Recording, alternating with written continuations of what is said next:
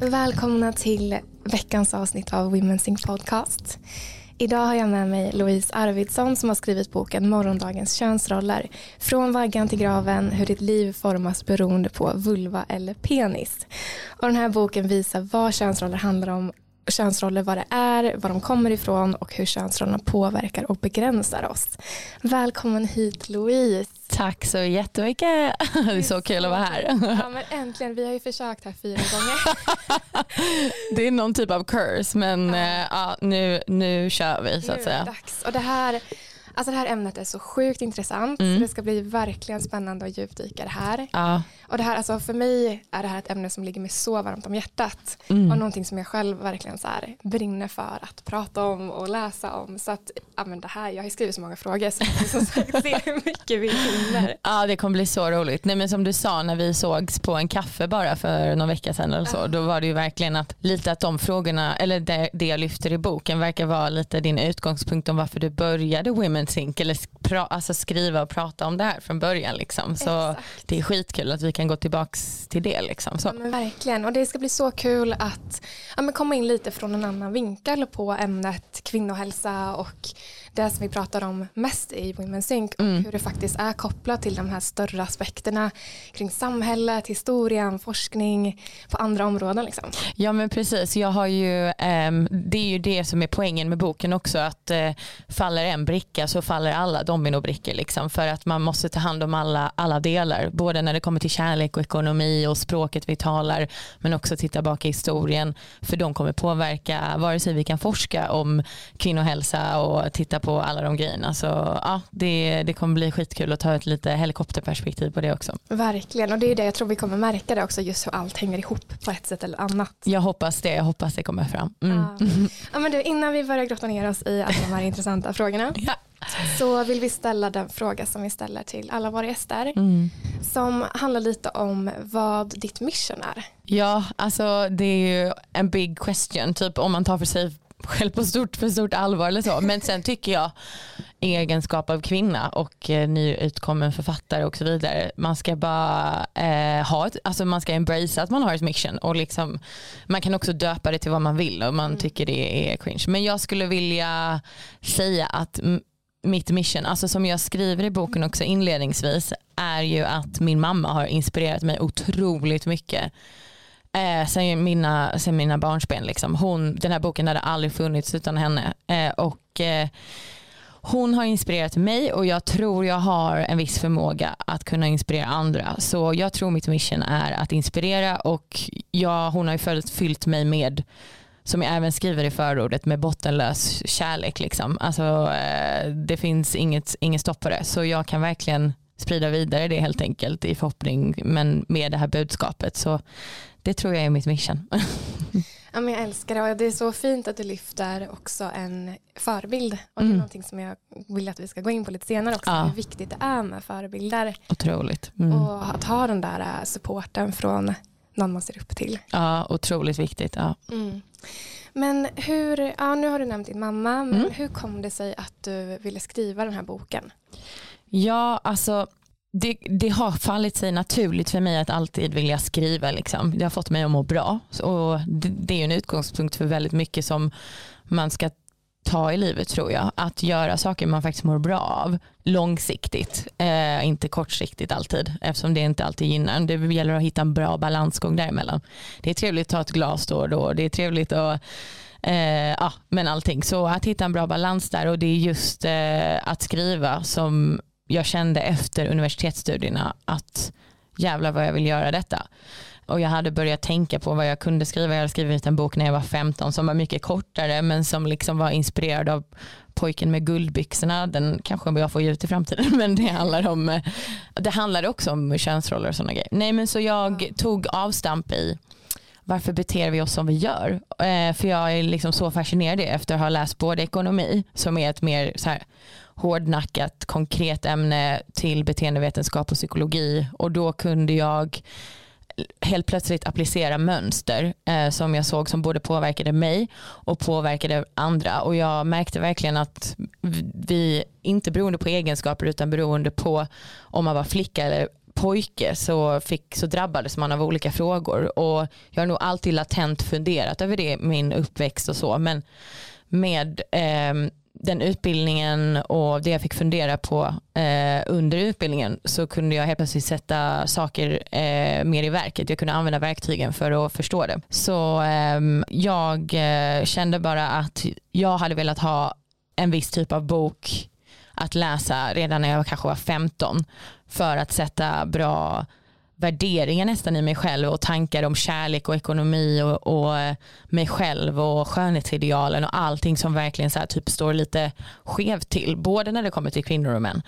Och eh, så bestämde jag mig för att eh, göra bot på det så att säga. Så att eh, det blev boken. Mm. Ja, men det, jag älskar det. Alltså, det var mm. precis samma sak vi kände med Women's Sync-boken. Att bara så här, men det här är saker vi hade önskat att vi hade läst tidigare. Oh. Och det är det jag verkligen också tycker mm. om med din bok. Att det mm. är så många insikter som man känner att ja, alla borde ha tillgång till dem. 100 procent. Ja, mm. Vi saknar jättemycket information fortfarande liksom, och det nu ska vi bara ta igen allting. Liksom. Mm, så. Och vi mm. gör det tillsammans ja. så att det går snabbare. ja. Men du, jag tänkte att vi ska komma in på liksom hur det kommer sig att vi har de könsrollerna vi har mm. idag. Och i det första kapitlet så mm. pratar du om evolutionsbiologen Charles Darwin mm. och hur hans teorier har påverkat de starka könsroller som vi har idag som lever sig kvar. Och han lämnade efter sig ett arv där han menar att kvinnor är ett underlägset kön och det blev omfamnat som en sanning. Mm. Det här tyckte jag var så otroligt intressant. Mm. Hur kommer det här sig och hur kommer det sig att hans teori blev så accepterad och betrodd och mm. till viss del faktiskt lever kvar mm. än idag? Ja, nej men um, det är ju, um, det grundar sig ju i just en föreställning om man måste gå tillbaka till historien för att förstå varför Charles Darwin och evolutionsbiologin kom till där den gjorde och varför det var inte några kvinnor som tog plats i det. Och det är ganska lätt att, att förstå om man ja, förstår de klassiska könsrollerna. Kvinnor tilläts inte i offentligheten så vi tilläts inte heller i de vetenskapliga korridorerna. Vilket gjorde att de som fick studera, fick resurser att studera, fick tid att studera det var män eh, och de valde ju sitt perspektiv. För att även om jag förespråkar att och de senaste studierna som kommer att det finns inte en kvinnlig och manlig hjärna så har vi ändå olika anatomiska eh, förutsättningar vilket gör att Eh, och såklart hade ju vi olika sociala förutsättningar. Alltså eh, för att vi lagarna omfamnade ju kvinnor på ett sätt och männen på ett sätt så ditt perspektiv på livet var ju annorlunda. Och de valde sitt perspektiv helt enkelt. Eh, vilket gjorde att de valde de aporna eh, schimpanserna som har ett patriarkat istället för aporna bonoborna som har ett matriarkat och eh, blickade på dem eh, där man kunde se och så, och så applicerade de det här antropocentriska perspektivet vilket innebär att man har ett mänskligt mänsklig blick på hela djurriket det vill säga. Och det betyder ju att eh, man sätter sig själv i centrum som människa i varje eh, studie när det kommer till djuren eh, i djurriket. Och då känner man så här ja, eh, männen de ska styra och de är bäst. Och därför kan vi bara fortsätta ha det så här. Så det var ju inte förrän senare under ett par decennier sedan som kvinnorna tilläts in i korridorerna och man har börjat ta till sig nya typer av perspektiv. Mm. Det, det, det är inte bara så Charles Darwins fel. Men ja, han skrev ut, ut, uttalat och med sina kollegor att eh, kvinnor har, eh, vi är sämre mentalt eh, förberedda. Eh, det är bara 50 år sedan som första kvinnan fick springa ett maraton i USA och eh, då förklädde hon sig till pojke för man sa att kvinnor är inte tillräckligt starka för att klara av det här. Och jag kan tänka mig att absolut att det finns eh, när man tänker spontant, fan vad onda de är liksom. Men det handlar också om en okunskap och eftersom man inte, man inte studerade kvinnlig hälsa eller kvinnlig, kvinnokroppen eller så så ehm, eh, blev ju det också ett sätt att, att begränsa kvinnor. Eh, och det är först nu vi börjar få resurser och pengar och tid och allting eh, att forska på det. Så ja, vi behöver inte slänga Darwin helt i soptunnan men vi behöver modifiera och sluta glorifiera honom så mycket. Mm. Mm. Men det är så intressant, alltså det du var inne på också, att på den tiden, om det var på 1800-talet, mm, mm, mm, att vi hade så extremt olika roller i samhället. Mm. Och då blir det också svårt att veta vad man hade kunnat vara kapabel till. alltså om man aldrig får chansen att testa eller få möjligheten Mm. då vet man ju heller inte. Nej, om man inte har typ lika förutsättningar. Mm. Det är ju liksom som man skulle kunna se idag på eh, bara fotbollen. Världens största eh, sport som nu spelas också i Qatar som är fylld av korruption men männen som spelar där är ju bättre än kvinnorna som spelar i ett VM som eh, var för två år sedan. Men grejen är ju att flickorna och pojkarna som befinner sig där uppe i toppen idag, de har inte fått lika förutsättningar för att lära sig fotboll och spela. Och man har också utgått ifrån manliga idealet i form av när man ska spela fotboll eller när man ska, hur långt man kan springa, hur, långt man ska, eh, hur snabbt man ska skjuta. Det handlar ju om att sätta en standard. Liksom. Mm. Och eh, ger man inte samma förutsättningar så är det omöjligt att nå någon typ av mål. Så jag tror för många kvinnor under 1850-talet och långt bak som vi sett är kvinnor som skrev under pseudonym. De insåg att jag kan skriva, jag kan räkna, jag kan springa, jag kan hoppa, jag kan göra annat än att liksom befinna mig i den här snäva rollen som har tilldelats mig. Eh, och jag kan inte för mitt liv föreställa mig den frustrationen man måste ha känt i det livet oavsett om man befann sig i den, ö- för det var mycket klassamhälle fortfarande, alltså då på ett annat sätt än vad som är idag. Liksom. Så det skilde sig om du var en överklass, en, en medelklass som knappt fanns eller en lågklass, det vill säga eh, bonde och så vidare. Eh, och ja, då var det andra typer av problematik i de olika klasserna men alltså den extrema frustration man skulle känt. Jag tror vi har lättare att connecta kanske till den övre klassen eftersom att vi har en, bra standard och vi har bra eh, eh, möjligheter idag. Så att behöva springa på åkrar och sånt var ju ingenting, eh, ingenting vi behöver idag. Så det är svårare. Det är väl den fysiska misshandeln som var påtaglig i båda klasserna. Så, Mm. mm. Nej, men det är så intressant och det är så mycket svar man hittar i historien just varför det ser ut som det är eller som det gör idag. Men också just att man formade ju de idéerna som vi fortfarande har kvar i viss mån Mm. på helt andra liksom, grundförhållanden. Mm. Vilket ju gör att mycket kanske måste omvärderas eller Ja. strykas. Ja, precis. Men jag tänkte på det du sa med eh, fotboll också. Det är ju ett exempel på det här med Mhm. hur man ser ja, könsrollerna idag. Ja. Med det här med Emil Forsberg Ja. i, eh, i EM. Ja, just det. Om det exemplet. Ja men det var, jag tror det var Expressen, att de, eh, eh, de skrev att eh, Emil var ehm, den främsta målgöraren eh, inom ett visst eh, mästerskap eh, genom tiderna. Eh, och eh, vilket, alltså i, i det svenska landslaget då. Eh, men det stämmer ju inte eftersom att Lotta Schelin är den som är gjort allra flest mål i ett mästerskap. Eh, men när, då nämner man inte kvinnorna, man räknar inte med kvinnorna alls i sammanhangen utan det är som att killarna spelar fotboll och sen spelar eh, kvinnorna en annan typ av fotboll i division 2 typ. Och absolut att man skulle kunna säga att kvaliteten inte är lika bra men att inte börja jämställa lagen på ett sätt där vi ser herrfotboll och damfotboll istället för att säga fotboll och damfotboll. Det gör att språket påverkar hur vi tänker om varandra. Så det gör ju att inte säga att eh, Emil Forsberg är näst bäst i det svenska landslaget att eh, vara målgörare under det här mästerskapet.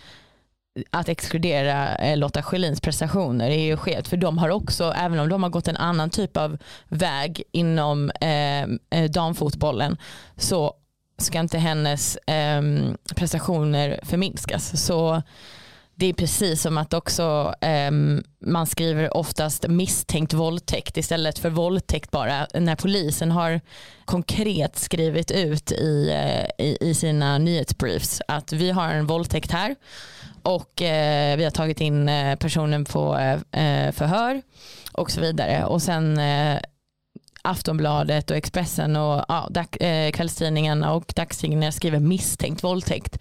Eh, och ja, narrativet blir väldigt skevt liksom för att man eh, och sen misstänkliggör man oftast kvinnan eller offret istället för mannen. Så språket spelar otroligt stor roll eh, och det är det jag vill belysa lite med det eh, Ja, alltså exemplet. Det där, det där exemplet blir ju, alltså man blir ju så frustrerad av att höra det. För Ja. det är verkligen, som du säger, att språket i det här fallet gör ju ofta att, som sagt, att man misstänkliggör offret. Mm, mm, Och det är ju, Ja, men det är klart att det också påverkar då hur många som faktiskt vågar anmäla och, Mm. och vågar vända sig till myndigheter och Exakt. rättsväsendet från Ja. första början. Så att, det, alltså, att bara prata om språket i sig, vilken makt det har, Mm. man tänker inte så ofta på det. Nej. Men det är ju inte bara i de här exemplen vi har tagit nu utan det är på många andra sätt. Jätte, jättemånga sätt och man kan ju, det är det som är lite roligt att argumentera just hur viktigt språket är att det finns ju ehm, ett parallellt narrativ där det är väldigt mycket så här men hallå jag sa bara gemene man och inte gemene person hur viktigt kan det vara ni fattar vad jag menar etc. etc. Men när någonting sker återupprepande gånger genom livet hela tiden på flera tusentals platser hela tiden om och om igen då är det en struktur och om det påverkar vårt sätt att se på varandra då är det gigantiskt. Så det är jätteviktigt hur vi pratar med varandra även om det kan låta väldigt lite i, i stunden. Det är liksom en sekund i ett sammanhang. Så ehm, man ska inte hålla på och peka pinnar hela tiden för jag tror inte det riktigt ehm, är eh, en bra lösning. Men det är inte, jag tycker liksom mitt råd till lyssnarna generellt är att stå på dig när du känner att fan så här, så här snackar vi inte. Utan det finns andra typer av ord att använda eller andra typer av mer inkluderande begrepp att använda. För det kommer påverka hur vi undermedvetet går genom dagen och tänker på oss själva och andra. För det är liksom gemene man, ja. Eller alltså det är ju inte jag, eller vadå? Alltså, Nej, vi är ju inte inkluderade. Nej exakt, exakt. Och, det kan, och återigen, folk som eh, lackar på att man liksom håller, håller på och Språkpolis. Ja precis, man kan välja sina duster men det är en, ett jätteviktigt och det lyfter jag i boken också hur man på bäst sätt kan göra det. Precis. Och det var ju ett jättebra exempel på eh, vad det här faktiskt, alltså språkbruket faktiskt kan göra med oss och med barn var ju det här exemplet på den här forskningen som du lyfte Mm. med när de låter ett barn rita yrken. Berätta. Ehm, nej men det var väl specifikt intressant just eh, att när man sa ge- generella yrken som byggarbetare, eh, mekaniker och sen forskare då, ehm, då var det lite blandat men just forskare då eh, tidigare om ett par decennier sedan så, så, kom man, så var det 28% eller någonting som ritade kvinnor. Eh, nu snackar vi 90-talet tror jag. Eh, men det har sen sjunkit eh, och nu ritar barnen nästan bara i de här två olika studierna som man har gjort och det är inte liksom så att man sitter och ritar forskare varje dag på lekis. Men eh, ehm, då ritar man oftast, eh, barnen ritar oftast eh, män som forskare. Eh, och det är ju väldigt som du lyfte tidigare i början att förebilder spelar jättestor roll med vad man eh, vågar ta, ta för sig eh, senare i livet och vad man, vad man kan se upp till. För att vi är ju också enkla individer på så sätt att jag identifierar mig som tjej och vad ser jag andra tjejer göra. Så jag hoppas ju på att komma till slut till det målet att, man har, att killar framförallt har kvinnor som förebilder. Vi tjejer har redan en del killar som förebilder eftersom att det saknas, har saknats kvinnor inom yrken och eh, roller som eh, eh, som vi kanske vill göra eller se upp till och så. Men det får, då skapar man ju också en empati mellan varandra. Nej men så det är ju lite så här oroväckande att eh, när fyra femåringar sa, ah, forskare, ja men det är en man, det är en man. Eh, för alltså. vem, vilka, det är svårt också vilka tjejer tänker då att ja, men jag kan bli forskare eller intressera mig för de här ämnena sen, senare eh, i första, första klass och andra klass. Liksom. Så det börjar väldigt tidigt och du sätter sig. Liksom. Så, ja. Ja men det är ju det där just att så här, vad, vad tror jag är möjligt för mig själv? Att ser Mm. man inte förebilder som har gjort det man själv kanske skulle vilja göra Nej. då blir ju ofta motståndet lite större Mm. till att man faktiskt ska våga kanske ta klivet dit eller också att bara se hur var det möjligt för den här personen att Mm. gå dit eller göra det här. Mm. Har man ingen förebild som är lik en själv och det är inte bara liksom inom kön utan det kan också vara inom etnicitet eller religion saker. eller liksom allt, alla sådana grejer. Nej, men, och just forskare eftersom vi, lyft, alltså, vi lyfter det som ett exempel. Det är skitviktigt att vi har fler kvinnor som forskar. Just nu är över 70% av forskarna män.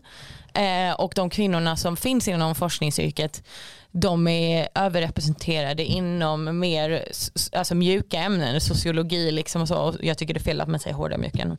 Men vi behöver mycket fler kvinnor. Eh, och eh, varför är det? Jo för att vad vi har sett nu är ju när vi, om vi återkommer till den Charles Darwin eh, evolutionsbiologi eh, tanken så är det ju att varför har vi kunnat förändra en del av narrativet som de drev på eh, under 1850 och framåt. Eh, så kvinnor släpptes in i, på Harvard Medical School eh, runt 1850. Sen har det varit skittufft för dem att ens liksom också ta plats där och höras och synas och det, bör, det har ju blivit bättre så. Eh, så det är inte bara så här, precis som jag skriver i boken också, att lagarna gör att allting, ja ah, men nu är vi jämställda för nu står det i lagboken.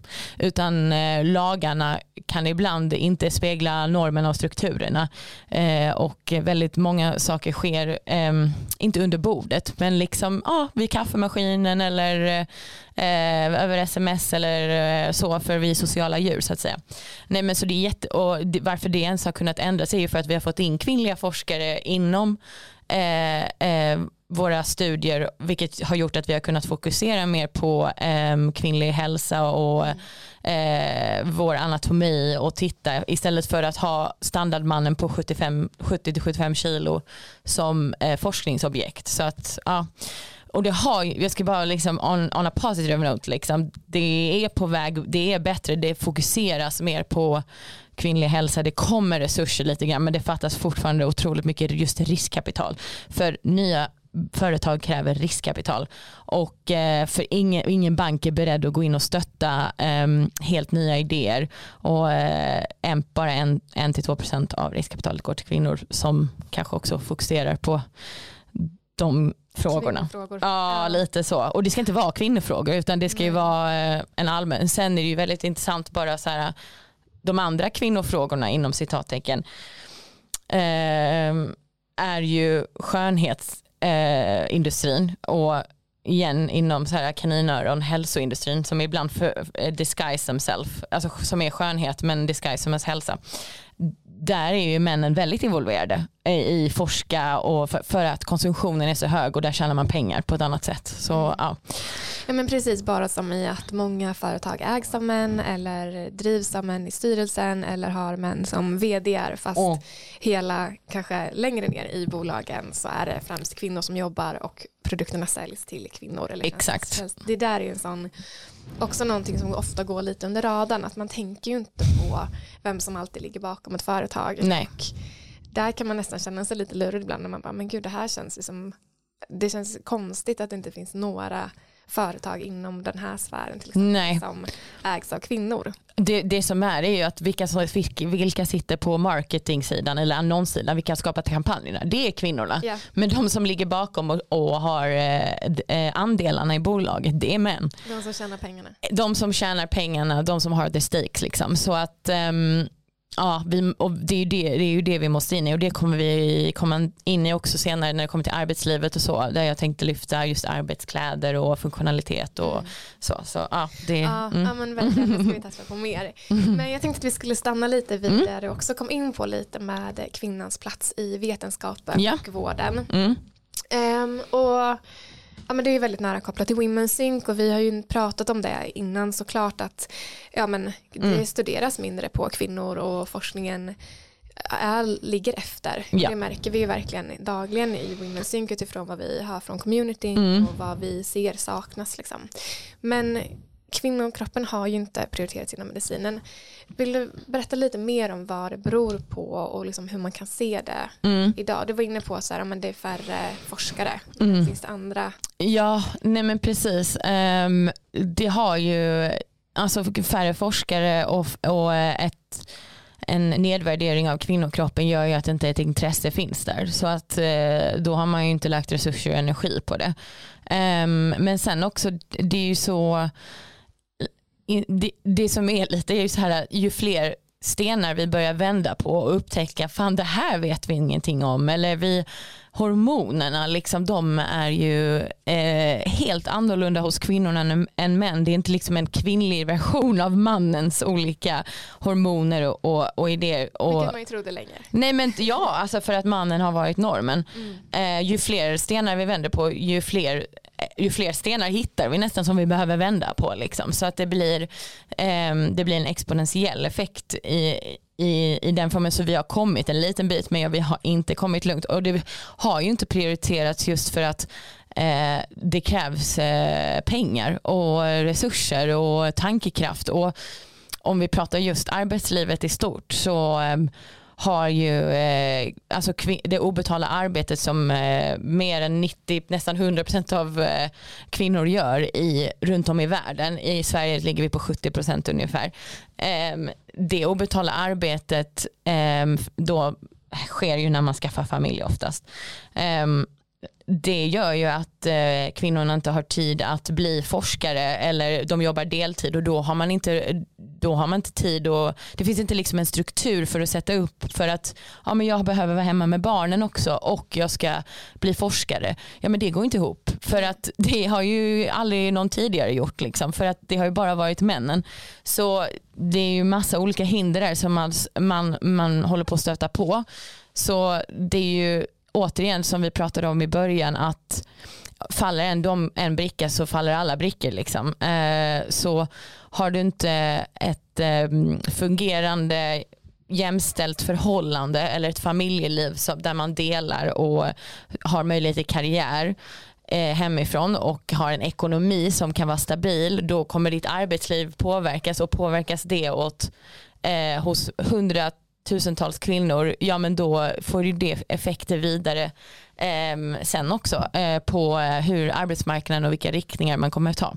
Men ja, det har bara varit typ ett ointresse och, eh, eh, mot kvinnokroppen och typ ett hat. Alltså fortfarande idag sitter ju kvinnor i menshyddor och eh, bli, eh, är shameade på grund av eh, sin, sin månatliga eh, menstruation. Liksom. Och, ehm, jag är ganska liksom bordus nu idag efter att ha skrivit den här boken så här, och vara övertydlig med liksom mina kroppsliga, inte kroppsliga vätskor men så här, alltså just att, att snacka om det, det och liksom eh, jag tycker vi har blivit bättre på det. Mm. Um, Ja det har hänt mycket bara sista åren. Det tycker jag verkligen från när du och jag var unga liksom under oh, ja. 90-talet liksom när det var en större så här Tabu. Tabu, tabubelagt, vilket ja, det är så sjukt. Men ja, um, det gör mig um, verkligen, uh, nej men det gör mig glad och, och liksom tänka på det. Men uh, mm. det är ganska av de självklara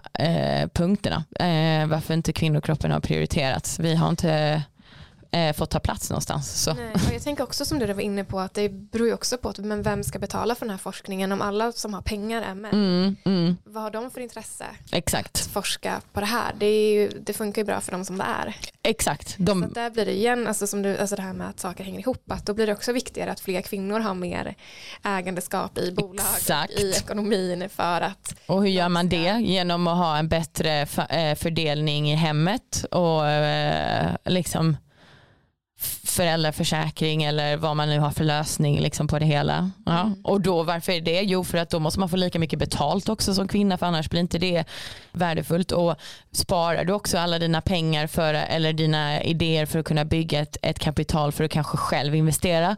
Ja men då kanske inte man ska köpa 17 000 skönhetsprodukter som sen också fuckar med, ursäkta, eh, förstör ditt eh, liksom, eh, testosteronnivåer som förstör din fertilitet som, eh, som påverkar din menscykel som eh, påverkar ditt humör. Ja, allt sånt. Ja men verkligen. Mm. Vi ska komma in på skönhetsideal också. Mm. Men du nämnde nu, du touchade på det här med testosteron. Ja. Och det var också en väldigt intressant studie som du nämner om mm. testosteron och kvinnor. Mm. Och du nämner också att läkare idag har hittat alldeles för låga nivåer av testosteron hos unga kvinnor. Precis. Och det här är ju, alltså testosteron förknippas ju ofta med män. Mm.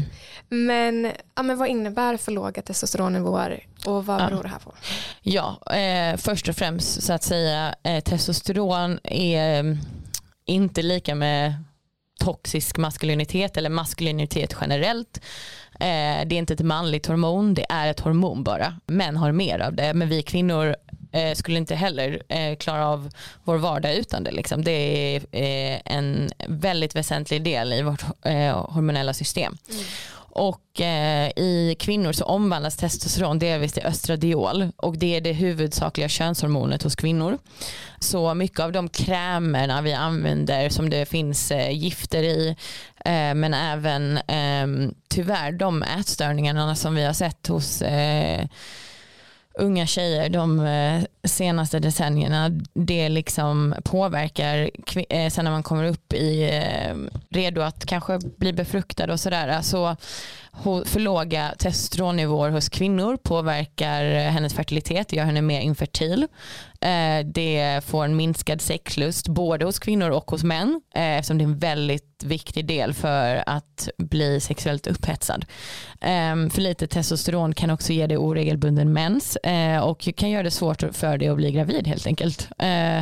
Så att tro att testosteron är lika med att ha pungkulor och en snopp, liksom, det det stämmer inte och därav bara sådana missuppfattningar liksom kan ju göra att man inte blir så intresserad som forskare att sen forska vidare på testosteron inom kvinnor utan man väljer istället en, en annan väg. Så att, mm. Nej, men det är jätteintressant mm. och det är också intressant att, att, prata just om låga testosteronnivåer för jag vet att vissa som lyssnar som har PCOS till exempel mm. där är det tvärtom att man kanske har för höga eller ja. att man ofta har höga testosteronnivåer mm. och att då pratas om just att vissa symptom kan vara ett eh, manligt eh, bolding pattern eller alltså vissa mm. manliga mm.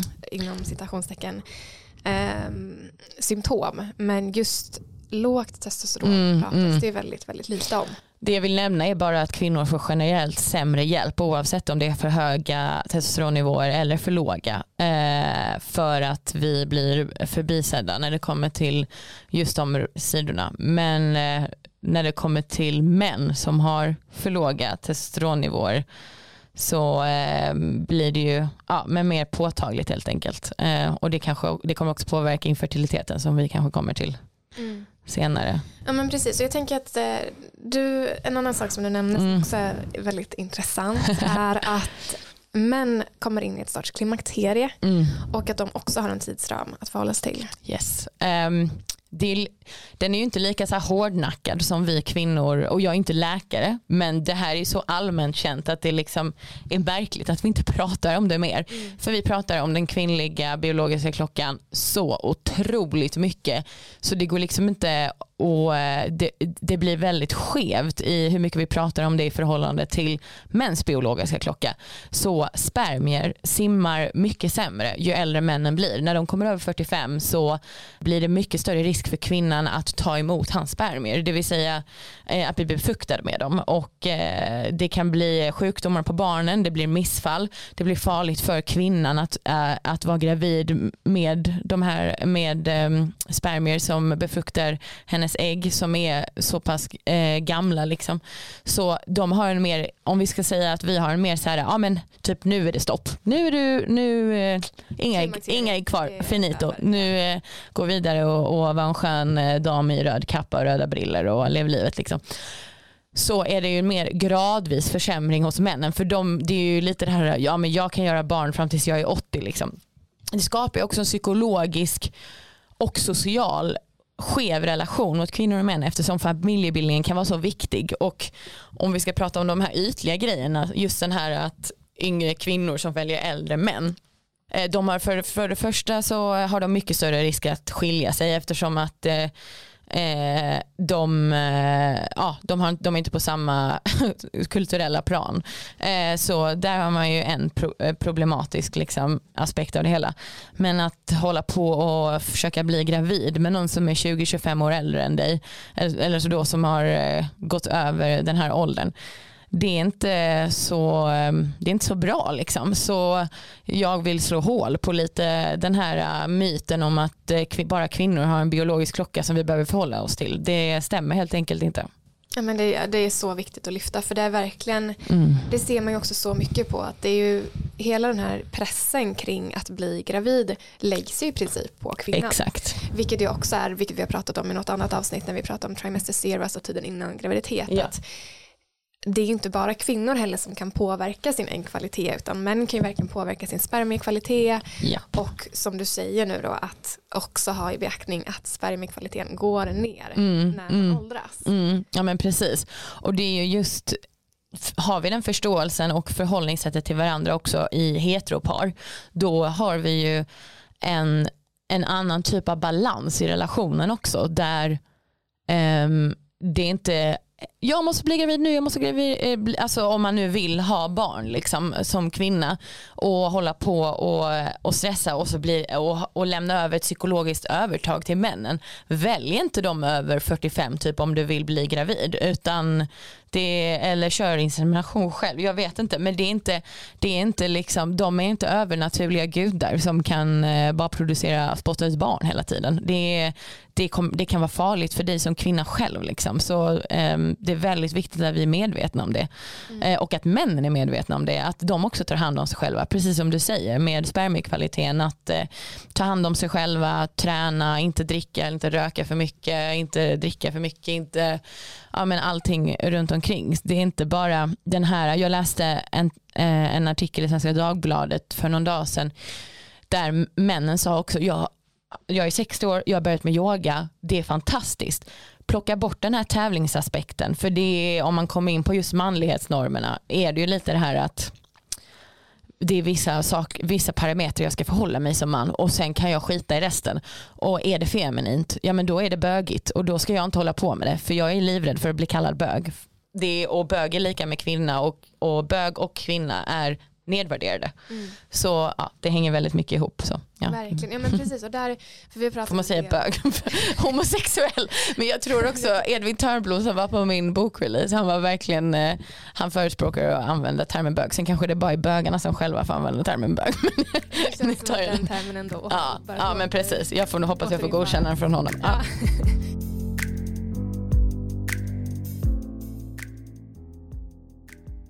I dagens avsnitt vill vi tacka vår fantastiska sponsor Skinom som ger färsk hudvård. Och Skinom är grundat av hudforskaren Dr. Johanna Gillbro som även är författare till bästsäljande boken Hudbibeln. Ja, och vi läste Johannas bok i början på året och blev helt frälsta. Och vi båda använde deras produkter där du Sara använder den för oljehud och jag använder den för en normal hy. Och vi älskar dem. Och vi kommer även testa deras nya produkt eh, som innehåller probiotika. Mm, det är så coolt. Och det här konceptet är faktiskt baserat på mer än tio års forskning och produkterna är utvecklade i deras laboratorium här i Stockholm. Och som man kan gissa utifrån beskrivningen så är det unika med just färsk hudvård att det inte innehåller några konserveringsmedel eller onödiga tillsatser som parfym eller färgämnen, vilket vi ju älskar. Och därför har också deras produkter en kortare hållbarhet, precis som färska livsmedel.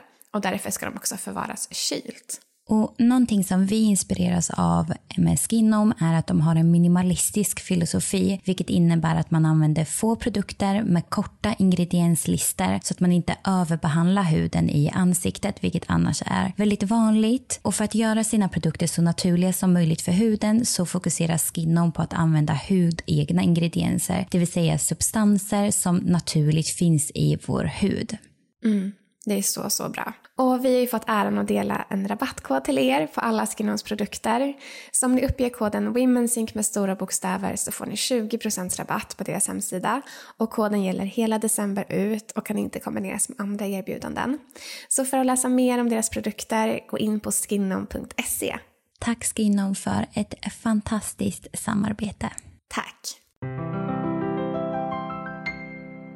Jag tycker vi ska gå in på skönhetsideal. Ja. För det här är ett så viktigt ämne, speciellt i den tiden vi lever i idag. Ehm, och du skriver om ett begrepp som var helt nytt för mig. Och det är skönhetssjuk. Mm. Kan, du, kan du berätta om det här? Jag tror faktiskt att alla som lyssnar kommer kunna känna igen sig när de hör vad det är. Ja, ehm, att vara skönhetssjuk är ju att ehm, det är ju om du har känt någon gång att du vill stanna hemma från eh, jobbet eller ett viktigt möte eller ett socialt evenemang för att du är osäker på hur, hur du ser ut. Eller om du inte känner att du kan passa in i den normen eller hur du, hur du vill se ut när du är perfekt, då är du skönhetssjuk. Eller om du har kommit på dig själv att du blir distraherad typ under ett möte eller någonting av att du speglar dig själv i en bil eller i, i eh, ett fönster eh, när du håller på med någonting annat eh, för att tänka är magen på rätt plats, är armen på rätt plats, då är du, då är du delvis skönhetssjuk. Och eh, hur, eh, om du också ehm, eh, sätter på dig för tajta kläder eller lägger tid på ditt utseende generellt när du vet och tänker och känner att jag kunde lägga den här tiden på någonting helt annat som är viktigare för mig då är du också eh, skönhetssjuk och där ingår också eh, pengar. Så eh, ja, det ehm, alla de grejerna, vi är i en skönhetssjuk värld och vi kvinnor är speciellt utsatta för det. Nej, men alltså när jag läste det här och ni hör berätta om det nu också så bara ser jag för mitt inre alla tillfällen mm. när det här sker i mitt eget liv. Mm. Och just som du är inne på det här med att det faktiskt kanske gör att man avstår från saker. Mm. Att någon dag när man känner att jag har en ful dag. Eller, alltså det finns ett begrepp som är liksom Det finns ett begrepp så här, jag har en ful dag, jag kommer inte ut idag. Exakt. Och att man också kan känna hur det påverkar hela ens humör, hur man för sig. Ja. Till exempel om man ska på något event eller en fest där man inte känner sig helt bekväm. Att känner man sig snygg och mm. är kanske också i fas 2 i menscykeln och mm. liksom är på topp. Att då känns det hur bra som helst. Men har man någonting då som inte känns att nej men mitt smink blev inte bra eller min outfit känns mm. inte, inte bra. Mm. Att det kan påverka hur man till och med beter sig. Ja, det, det är ju, och det, det, är så här, man får absolut inte, man behöver inte känna sig på topp hela tiden. Det är inte det jag syftar på. Utan det handlar om att man har en mall i huvudet generellt som man hela tiden måste uppnå och inte tillåter sig att man har olika tider och faser i livet och är accepterande kring, kring det. Både som, precis som du nämner i menscykeln, eh, jag går typ upp två kilo eh, eh, precis innan mensen och blir, eh, ja, men, ja, och behöver gå på toa mer och sådana grejer. Yeah, och liksom, ja och bara så här, jag har alltid lite mer ont i magen och jag kan ta lika tajta, tajta jeans. Eh, och att, som jag gjorde under gymnasiet tror jag. Alltså så här, ja, men jag ska fasen få på mig de här jeansen och trycka till dem för min rumpa ser så bra ut i de här. Och så kan man inte andas. Nej, så sitter man där och inte kan fokusera på franska lektionen eller vad som helst. Liksom. Det, uh. det är ju, vem gör jag det för egentligen? Det är ju jätteskevt. Så nej det, det är problematiskt som fasen för att gör man detta återupprepande gång månad eller vecka efter vecka, månad efter månad, år efter år och många tjejer gör det, då kommer det påverka hur vi lever våra liv i stort. Liksom. Och det är inte konstigt att man då ser kanske kvinnor som skönhetssjuka. Eh, och det, man vänjer sig vid den känslan tyvärr. Och det är väldigt obehagligt och det har tagit tid för mig att liksom ta en blick utifrån och bara oh, wow vad jag liksom kan spendera mindre pengar, mindre tid, mindre energi och på att fokusera på de här grejerna och fasen vad skönt det är. Sen har jag, älskar jag liksom, ja men idag har jag hårband och jag liksom eh, har eh, eh ögonlocken eh, glittriga liksom, det är lite julkänsla och så. Det är inte det som är poängen men den här destruktiviteten mm. eh, som Precis, är skev. Destruktiviteten i ens relation till sig själv. För det är det att det är därför det är så viktigt att prata om det här och därför jag tyckte det var så viktigt att belysa det här begreppet. För att det här grundar sig ju någonstans i, som du säger, det är ju inte att någon har sagt till dig att, att du eh, har en dålig dag. Utan det är en känsla man har själv och någonting man säger till sig själv. Att ah, men jag är inte tillräckligt snygg eller jag är inte fin i håret. Eller, alltså det blir ett negativt self-talk som såklart färgar då hur man mår och hur viktigt det kan vara då att kunna ta det här steget tillbaka och faktiskt bara i alla fall påminna sig själv om att det här är det här är på grund av samhället och ja. alla normer. Det här är egentligen inte det som kanske är viktigt egentligen. Mm. Som sagt, vad är viktigt egentligen? Det är ju att jag ska ha kul på den här festen, inte att jag ska se perfekt ut i mina egna ögon. Nej, verkligen inte. Och det grundar sig ju i att offentliga kvinnor framförallt som vi då ska ha som förebilder eller så oavsett om det är politiken eller om det är the, eh, Duchess of Cambridge, alltså Kate eller liksom, alltså oavsett figur. Vad de än gör så bedöms de väldigt ofta ut efter sitt utseende till skillnad från manliga kollegor i samma position. Um, och bara det otroliga hatet vi har mot kvinnor när det kommer till, eh, ja men det kom en studie för typ två, tre veckor sedan. Bara hur mer utsatta kvinnor är för hot och hat och utseenderelaterade kommentarer i negativ backning är liksom ständigt aktuella. Det är inte så konstigt att vi då, gemene kvinna, man, gemene person, beaktar oss själva ut efter dem, det, det samtalet som pågår ute i offentligheten. Det, och oavsett så här, man kan säga, ja men är inte du smartare än så liksom? Att eh, du inte kan värja dig från det här.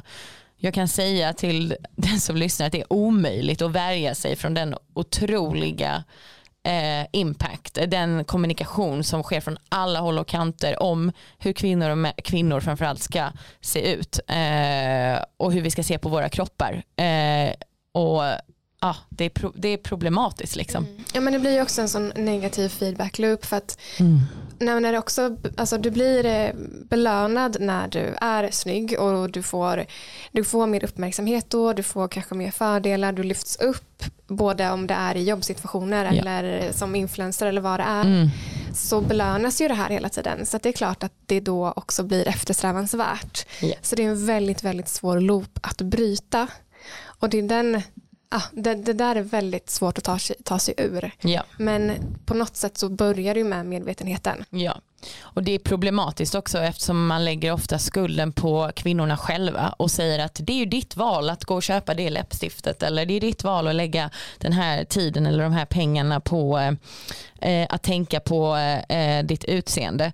Eh, men Eh, Eh, jag ju, håller inte med om att man kan lägga det fulla ansvaret på kvinnorna själva om att det är ett fritt val. För um, att motstå de här yttre budskapen uh, om hur kvinnokroppen bör och ska se ut um, är skitsvårt. Och då om någon lyckas med det, då går man oftast emot en norm som man sen får ehm, backlash ifrån på arbetsplatsen. Eller så här, fan vad fan ser hon ut idag? Liksom. Uh, och om man inte får, och, men, eller om, och om, om hon lyckas skita i det, ja, då är det ju istället massa tid och energi som hon har lagt på att jobba upp en mental barriär för att orka skita i det. För alla har inte en personlighet där man bara skiter i det. För vi, vi sociala djur, vi funkar inte så.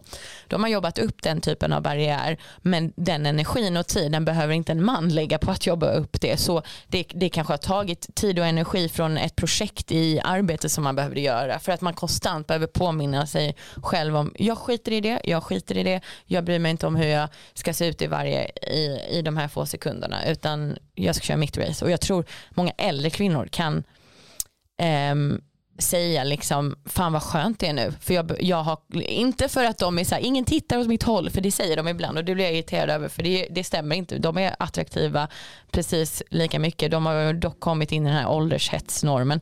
Men eh, de har med erfarenhet landat i en annan typ av trygghet eh, och bara fan jag skiter lite där. Så eh, Ja, men för det blir ju, annars blir det också den dubbla, vad du än väljer så blir mm. det ju en, eh, får en bak, alltså hamnar du fortfarande efter. Alltså som sagt, lägger du tid på att sminka dig och se bra ut och allt det där, ja men då spenderar du en timme om dagen på det som mm. män inte behöver. Nej. Det är väldigt få i alla fall som gör det.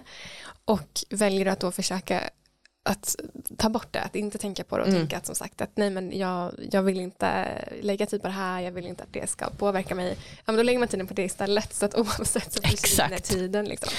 Ja det och jag menar det börjar ju otroligt tidigt så flickor mellan 5 till 9 år um, i två olika studier tror jag det var kom man upp till att 40% av alla flickorna i den ålder sa jag vill bli smalare. Och att, vara, att liksom tänka på den typen av eh, en, tänka på sin kropp på det viset när man precis har börjat röra sig i världen. Det är helt sjukt egentligen. Eh, det som är liksom intressant är att pojk, det är pojkarna i den åldern som är överviktiga. Inte för att de ska tänka på att de ska bli smalare men det är inte flickorna som är överviktiga. Och det är de som går runt och tänker på att eh, jag måste vara smalare och det är ju inte ur ett hälsoperspektiv självklart utan det är ju ett, ur ett utseendeperspektiv. Så och samma sak också när man läser upp texter för barn. Eh, där man har en historia om, om en, snäll, eh, ett, en snäll, snäll person och en dum person. Eh, då frågar de, kan ni rita, hur ser den dumma personen ut, hur ser den snälla personen ut? Då är oöverhängande, den dumma personen, en tjock person. Alltså det är så sjukt. Ja, så då, ja, det är liksom attributen som kom, kommer, kommer med det från en ung ålder och det vill man inte förknippas med när man blir äldre. Och, ja. Mm. Jag menar att fettskräck faktiskt eh, är någonting som börjar odlas så tidigt. Ja, nej. Innan man som sagt knappt har blivit medveten om att man har en kropp och Exakt. Hur håller jag besticken liksom? eller hur ja. navigerar jag mig? Liksom? Exakt, hur ska jag ta plats i, alltså det är det du ska ta plats i världen, du ska inte ta mindre plats i världen. Det är inte det vi ska lära flickorna. Så, ja. Precis, för vad har det för konsekvenser att det läggs mm. starka skönhetsideal på flickor och kvinnor? Jo men vi har varit lite inne på det, alltså just att det äter upp en stor del av tankeverksamheten. Um, och jag har med mig med en liten kalkyl i boken också där man konkret kanske ska göra upp en en energi och resursbudget, det vill säga hur mycket tid lägger jag på att scrolla på Instagram och titta på influencers, hur mycket pengar ligger jag på skönhets eh, skönhetsmärken eller skönhetsprodukter som också kanske är um, försöker beskriva sig själva som hälsoprodukter. För det är det också om vi pratar just om kvinnlig hälsa och kvinnlig medicin, vilket är liksom lite eh, ironiskt på ett sorgligt sätt. Det är att det finns så mycket mer att göra inom just medicin och hälsa eh, för kvinnor men många av produkterna eh, som kanske finns där ute är egentligen skönhetsprodukter men eh, de they disguise themselves, alltså de gömmer sig själva, de liksom eh, eh, förklär ja, förklär sig själva, ah. precis, förklär sig själva som hälsoprodukter eh, för att det finns ett så stort intresse liksom, för att man vill inte lägga ner resurserna och forskningen som egentligen behövs. Eh, nej, så det är tid och energi och tankeverksamhet som framförallt påverkar eh, oss. Och alltså bara en, ett sånt exempel som när man går förbi en, nu är vi i juletider, det är mycket, mm, mycket reklam som är ute där eh, på olika sätt och det är kanske en presentpåse och i den presentpåsen så hänger det ut ett par snygga ben i, med juliga strumpbyxor. Sen är det inget mer det par ben.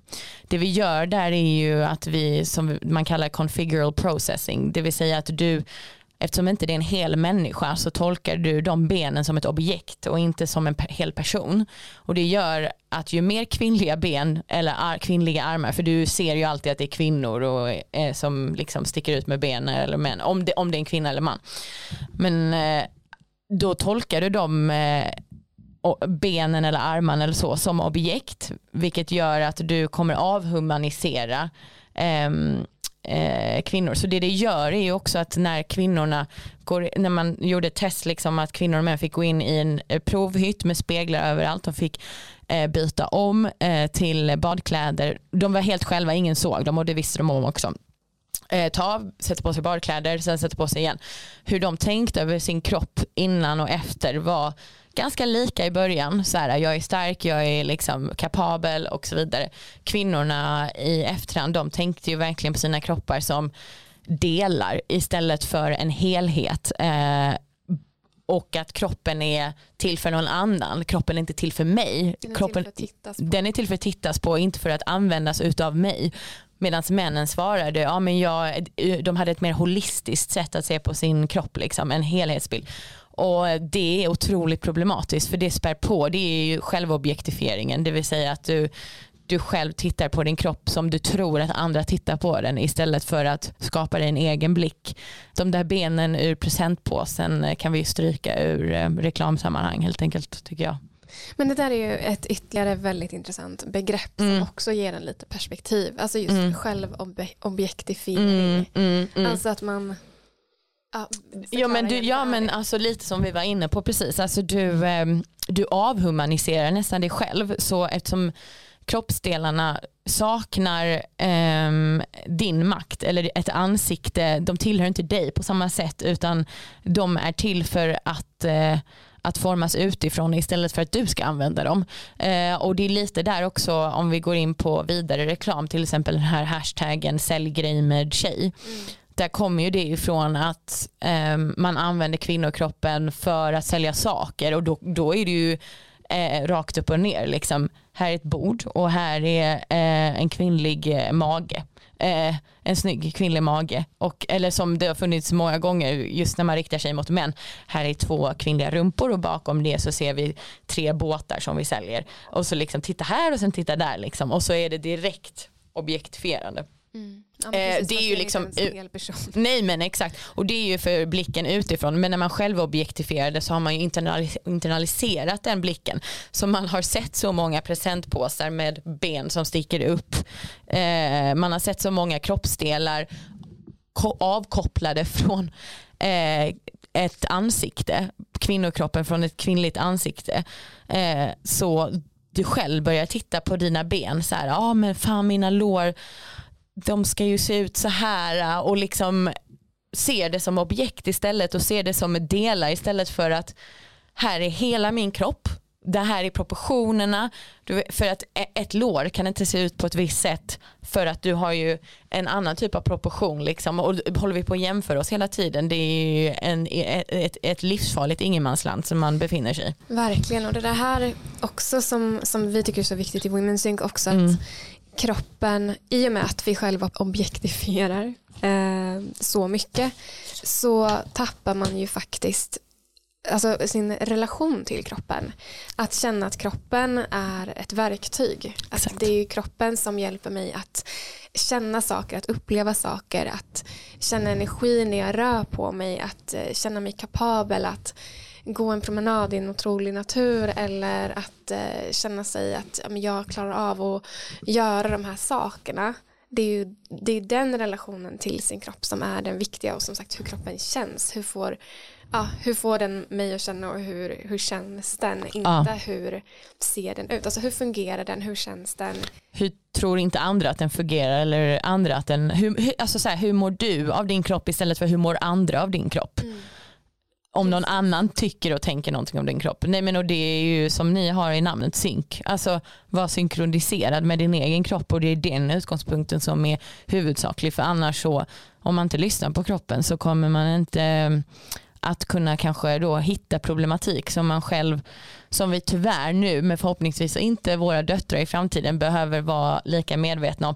Vi behöver vara otroligt lyhörda på kroppen eftersom det saknas just forskning eh, på kvinnokroppen. Så vi behöver vara så lyhörda på vår egna kropp för att vi ska kunna lösa problemen eller så här, landa i bra läkemedel eller bra eh, lösningar som att gå ut mer i skogen eller så som, som eh, ska kunna göra att man är mer harmoni med kroppen. Ja men exakt så. Att när vi, för det är det som ofta sker och som vi ser att eh, men man själv och många i communityn just försöker göra att man försöker liksom lägga kroppen i andras ideal eller i dieter och träningsprogram som är skapade för ett manligt ideal och vad det gör med ens egen kropp att det kanske inte alls är samma utfall eller resultat som man läser att det har gjort för någon annan men man ignorerar totalt sin egen kroppssignaler och vad den försöker signalera en just för att nej men det där ska ju vara facit, det är sådär, ja, så där ska det funka. Att bara försöka att eh, släppa taget om det och lyssna på kroppen för det finns så mycket vishet och klokhet i signalerna. Eh, 100% det är ens egen utgångspunkt som gäller. Verkligen och det är också någonting som vi, många av oss har upplevt att man inte heller kanske har blivit lyssnad på när man försöker lyfta de här upplevelserna i Ja. sin egen kropp. Förlöjligad eller mm, Exakt, att man inte känner att man eh, blir lyssnad på Tas på allvar. Mm. tas, inte tas på allvar. Mm. Och det gör ju att man då kanske slutar lyssna. Ja. Så att, eh, ja, det är superviktigt att eh, lyfta den aspekten. Mm. jätte. Så eh, börj, vi, det var bra, vi börjar i skönhetsidealen det yttre och landar mer i det inre och det är väl lite så jag hoppas att man ska kunna ta sig till. Men ja, ehm, SVTs dokumentär kan man ju nästan, eh, eh, den eh, priset vi betalar kan man ju nästan säga att de ska titta på för det är, Verkligen, jag såg första avsnittet. det är skevt Nej, alltså. Det, och det förvånar mig inte alls. Så att, ja. Nej men precis, för den handlar ju mycket om eh, ideal och vad man som sagt utsätter sig själv för för att leva, in, leva upp till dem. Ja, och hur reklampelarna, hur targeted de är i att sprida informationen till oss vanliga. Eh, gud vad bra det är med Brazilian buttlift. Alltså så här, Och så lyfts inga risker med att det också är en, en livsfarlig nej precis, procedur. Otroligt. Ja. Ja, nej men den, den kan alla titta på, den är Mm, jätteintressant och viktig. Men när vi är inne på lite när vi pratar kropp och, och liknande så skriver du även om sex och sexuell njutning Mm. och porr. Mm. Och du skriver bland annat att orgasmen är otroligt viktig för kvinnan. På vilket sätt då? För det här känns ju viktigt. Förutom det mest det, det, det självklara.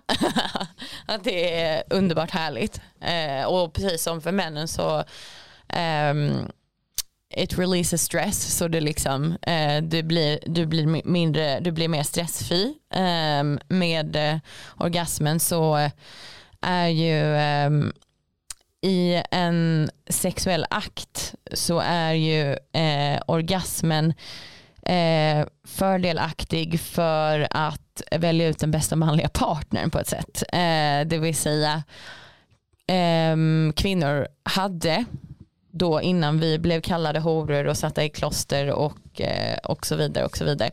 Ehm, eh, hade sex med, när man hade en känsla för det, då låg man med mycket killar. Eh, nu snackar vi liksom, vi, vi, vi kan ta oss tillbaka till eh, ja, men där runt lägerelden och, och hela grejen. Man är en grupp om 150 personer, man är nomader eh, och man hade ju inte sex med främlingar för man vet ju vilka typ många av de 150 är så det är inte så att man, även om det är också kul att gå hem med en främling liksom. Eh, nu är jag i relation så jag vill ta bort det. Men, Kul just nu. Ja, exakt.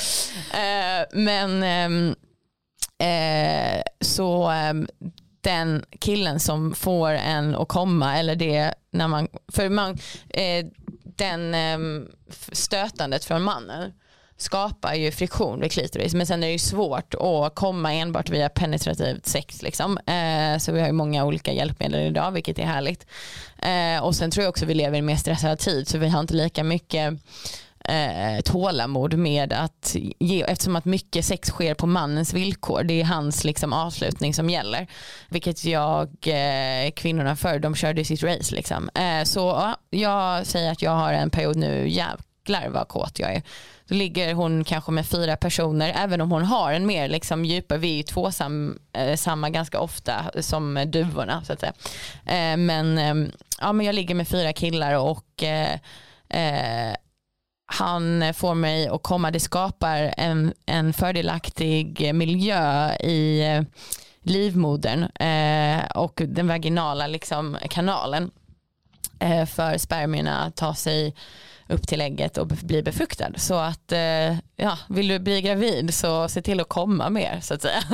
Eh, det är så, så sjukt att jag inte har hört att det är mer för- fördelaktigt med mm, orgasm för att bli gravid innan. nej men verkligen Det måste ju vara att man inte pratar om, alltså att det är så I- fokuserat på. Mannens, Mannen. eh, hans eh, utgångspunkt ja. Men precis, alltså, eh, precis som att det är, ja alltså det är också så här spermierna, över, om det är en sats spermier så vid en när han kommer en gång så då är det liksom uppbyggt som ett tåg. Så det första gänget är liksom front warriors.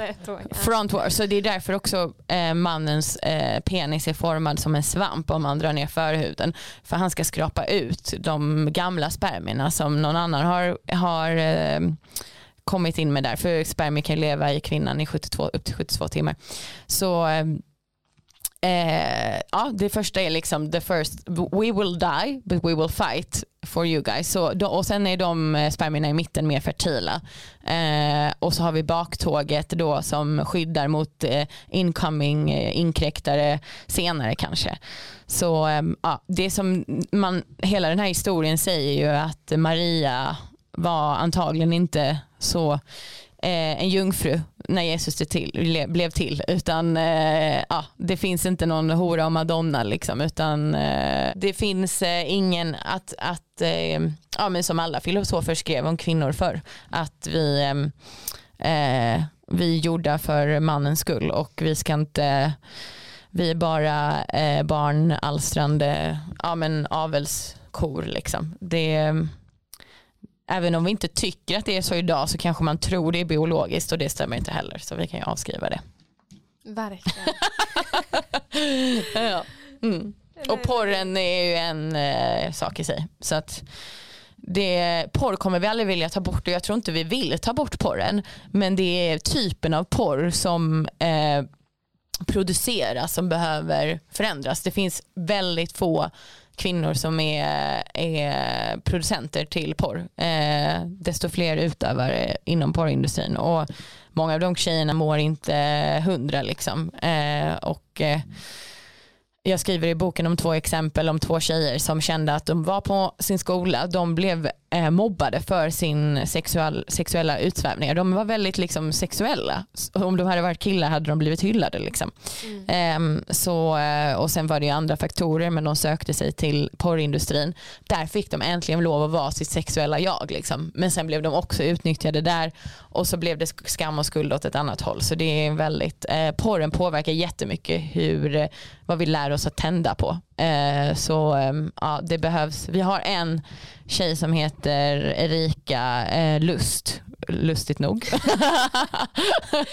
som, är, som är ganska renommerad exakt eh, eh, producerare av porr i LA. Mm. Men eh, ja. Nej, men det där är jätte, det är en väldigt intressant fråga hela porr, porrfrågan. Ja. Och som du säger att alltså bara när man ser att män visar ju inte ansiktet i porr. Nej. Men man ser hela varje ja. millimeter av kvinnan. Ja, Bara där så har man ju the male gaze som är hela grundläggande, ja. grundläggande objektifieringen och sexualiseringen av kvinnan i varje liten liksom Exakt och att vi, alltså kvinnor som då också ser det här Exakt. ser ju att det är så här sex ser ut och det är så här mm.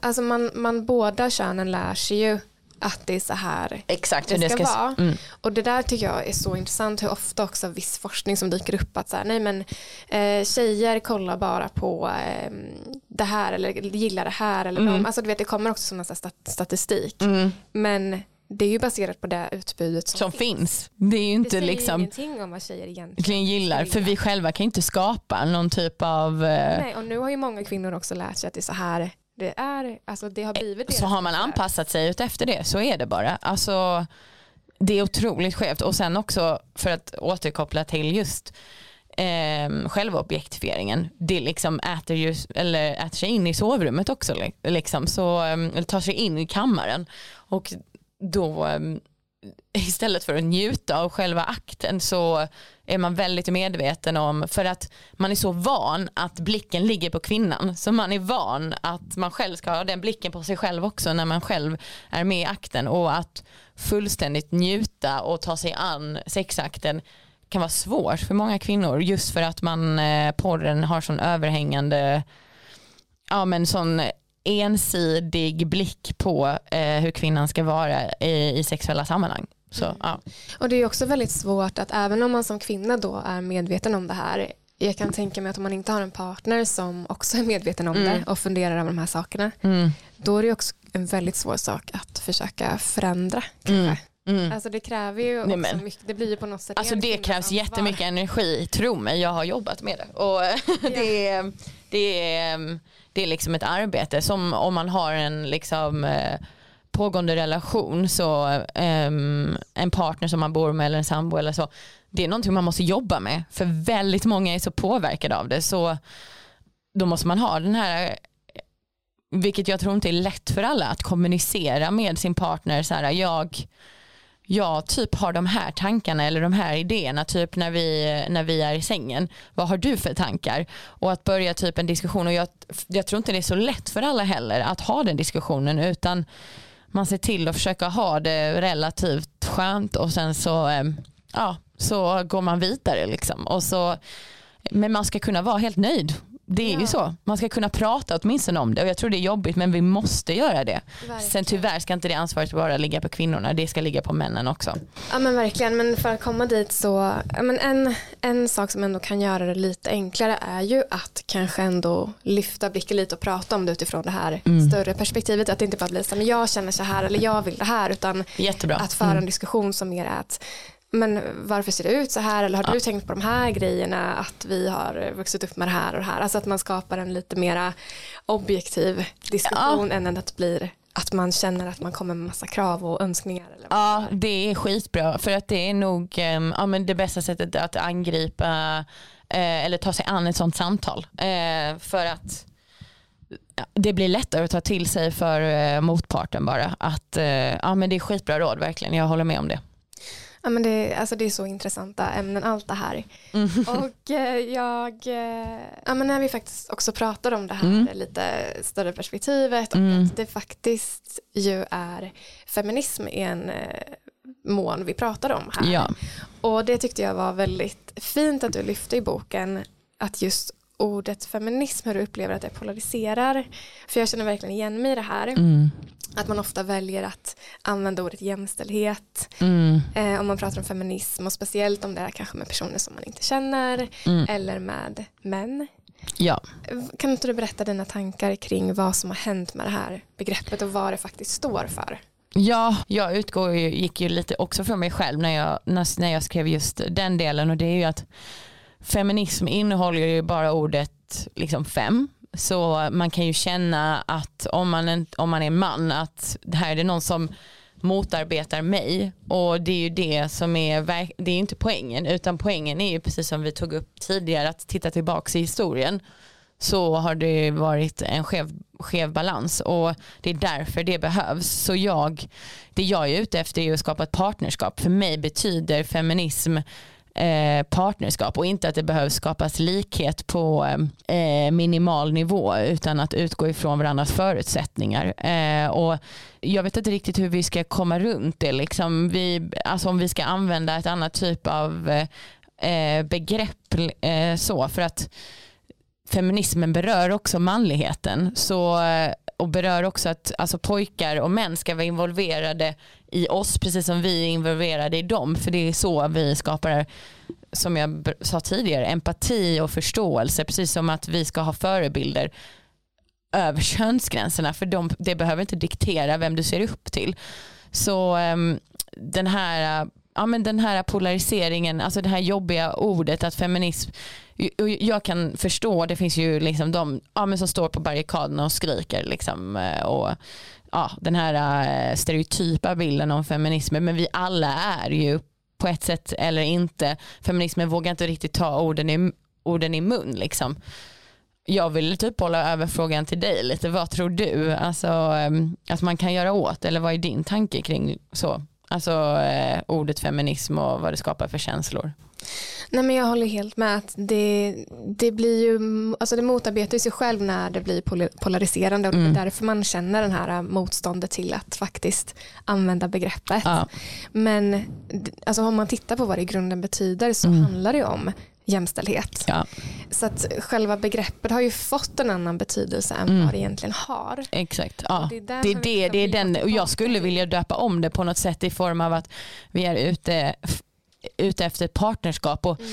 jag inställningen hos många män och, och killar som jag möter eller pratar med det är ju just att och jag kan förstå det på ett sätt. De har ju inte levt i historien förut så de har ju inte varit med och skapat alla skeva kanske strukturer som äter sig in i och våra dagliga liv varje dag. Liksom. Det kan man inte lägga skulden på dem för. Sen så tycker jag att det, finns, det krävs ett större engagemang från deras sida. Men det är ju just att alltså det finns ju, deras idé är väl lite att det finns en kaka där det finns 100% och så den kakan är resurser och makt och så och man vill inte bli av med det man har liksom. Eh, och eh, det jag vill liksom förmedla är att det är inte en kaka med bara 100% där eh, ni kommer bli av med en del och vi tar en del utan vi kommer alla vinna på att, att eh, för det kommer bli synergier i, i ett partnerskap mellan könen och en större förståelse och att lägga resurser. Det ser vi redan idag när man har mer heterogena eh, bolag, eh, man, man tjänar mer pengar, man har mer fördelning inom, eh, om man fördelar he- sysslorna i hemmet mellan könen eh, mer varierande, ombytta roller, alltså man tar liksom, det är inte bara du gör så och eh, du gör så, då har man bättre relationer och minskar risken för skilsmässa. Eh, och, och så för man har en bättre förståelse för vad den andra partnern gör. Så eh, ja, det, frågan är om man ska ja, begreppet, jag vet inte, men innehållet är det viktiga så det är därför jag drar mig för det. Så det, mm det är lite det är jobbigt. Liksom. Jag nämner inte hela tiden, jag är feminist, liksom, för jag, det tolkas på ett annat sätt ja. än vad man riktigt menar. Så, mm. Nej, men jag tycker det var en jättebra metafor med kakan. Ja. Jag tror att det är exakt det som blir problemet, att man tror att det är att män ska behöva ge bort någonting som ja. de inte vill ge bort. Nej. Men som du säger, det handlar verkligen inte om det. Och precis som din bok verkligen också upplyser är ju just att könsroller är någonting som förhindrar och förstör för båda könen. Ja. Eller liksom för alla. Det manlighetsnormerna i kapitel 19 i min bok är ju så här Ja, det är väldigt mycket psykisk ohälsa inom män och eh, vissa skeva normer gör att inte de kan ta för sig inom skolan eller vi, eh, de får inte hjälp tillräckligt mycket i skolan som tjejerna får för det, det finns en, en struktur där som inte är fördelaktig för tjejerna. Så det finns problem på båda sidorna och ingen vinner. Liksom. Um, vinner. Och där är ju problem, problemet med ordet feminism just att då fokuserar man kanske bara på kvinnan. Och det är inte det som är syftet. Liksom, vi har ju varit marginaliserade mycket mer än vad männen har varit. Men det är ju svårt för männen idag att anamma hela den tunga oket av eh, mm. arvet som vi bär på. Liksom. Så, ja, det Mm. Nej, men det, är ändå, det är jätteintressant att lyfta mm. den eh, dialogen för som sagt det blir ofta att man eh, värjer sig för det och jag tycker det är intressant att just bara prata om ja. faktiskt problematiken kring det och vad beror den på Exakt. och vad är egentligen man är ute efter. Ja. Ja. Men du, vi har kommit till de avslutande frågorna. Ja. Vi hade kunnat prata hur länge som helst om den här boken och de här ämnena. Ja. Men eh, folk får köpa boken helt enkelt. Ja, precis. Eh, vi kommer också skriva vad den heter i eh, i avsnittsbeskrivningen mm. och mm. Instagram-inlägget med mm. morgondagens könsroller. Men våra avslutande frågor som vi ställer till alla gäster är eh, om du fick välja ett livsmedel eller ingrediens eller mat som du mm. inte kan klara dig utan, vad är det? Um, så jag skulle vilja välja någonting som typ um, skapar extra till allt annat typ. Så frågan är nu, nu förutsätter jag då att man kan äta andra grejer men ja, ja, olivolja med tryffel eller citron för jag har det på typ allting. Wow. eh, eller alltså om jag, om jag kan så om jag var, alltså jag olivolja generellt och citron kan göra typ allting bättre i, eh, i matväg för mig. Så ehm, ja, de eh, livsmedlen skulle jag verkligen rekommendera. Ja, men det är ett bra tips som man kan eh, använda på många sätt. Ja och citron det är bra nu med vinter, vintertider och så vidare. Vi behöver mer stärka immunförsvaret. Exakt, vi behöver C-vitaminen. Ja. Um, och om du fick tipsa om en bok förutom din egen, mm. vilken skulle det vara? Um, jag måste, eftersom jag har skrivit mer facklitteratur eh, så måste jag ändå börja med det åtminstone. Så en bok jag läste under universitetet som heter eh, Påverkan på svenska. Det är en bok av eh, Robert Cialdini. Eh, och där eh, beskriver han i x antal steg hur man på olika sätt ehm, kan påverka människor med olika strategier. Eh, vilket var väldigt upplyftande och märkligt och eh, han har väldigt bra exempel i den också. Ehm, det var lite läskigt för man märker att jäklar det här eh, utövningarna har jag varit med om. Det vill säga en är ju reciprocitet som ehm, handlar om att om jag ger dig någonting eller gör dig, eh, ger dig en gåva eller ger dig en komplimang eller ja, ger dig någonting generellt, liksom, både psykologiskt eller fysiskt så kommer, du, det kommer det skapa en känsla hos dig någon gång att du vill ge tillbaka. Så munkarna, eh, ett, par, eh, ett stort gäng munkar skapade det här genom att på flygplatser gå runt och ge typ blommor som de hade skaffat sig gratis då, eh, vilket gjorde att folk gav mer pengar i bössan. Typ så här. Um, ja, och eh, foot in the door, foot, eh, door in the face tekniken när man ska förhandla och så. Så ja, den eh, boken, eh, Cialdinis påverkan. Mm. Ja, det måste, det måste jag läsa. Ja. Jättebra tips. Och om du fick ge ett råd till ditt 16-åriga jag, vad skulle det vara? Det skulle vara um, be om mer hjälp och se eh, när du känner att du behöver det. Du är inte svag om du ber om mer, mer hjälp och eh, titta på andras fel istället för att titta på dina egna fel hela tiden. Um, och um, um, var trygg i obekväm tystnad och våga vara kort i dina svar ibland. Wow. Typ så. Mm. Så bra tips och tips som jag tror att vi även vi som inte är 16 år Nej jag vet. kan Ja. nytta av och bli, behöva bli påmind om. Mm, nej, det ligger till grunden att jag minns att eh, ja, man ville liksom, eh, ja, men lite please, people pleaser känsla och eh, det har jag jobbat på att eh, det behövs inte utan man räcker till som man är och det är skitbra. Man ska ge och ta tillsammans. Så, mm. Jättebra. Så bra avslutande tips. Tusen tack Louise för att du har varit här. Tusen tack själv, det har varit otroligt kul verkligen att få vara med. Jättekul. Mm. Och som sagt, Louise Arvidssons bok Morgondagens könsroller finns att beställa i bokhandlar. Ja, alla bokhandlar online och sådär. Så, ja. Underbart. Tusen tack och puss och kram till alla. Hej då!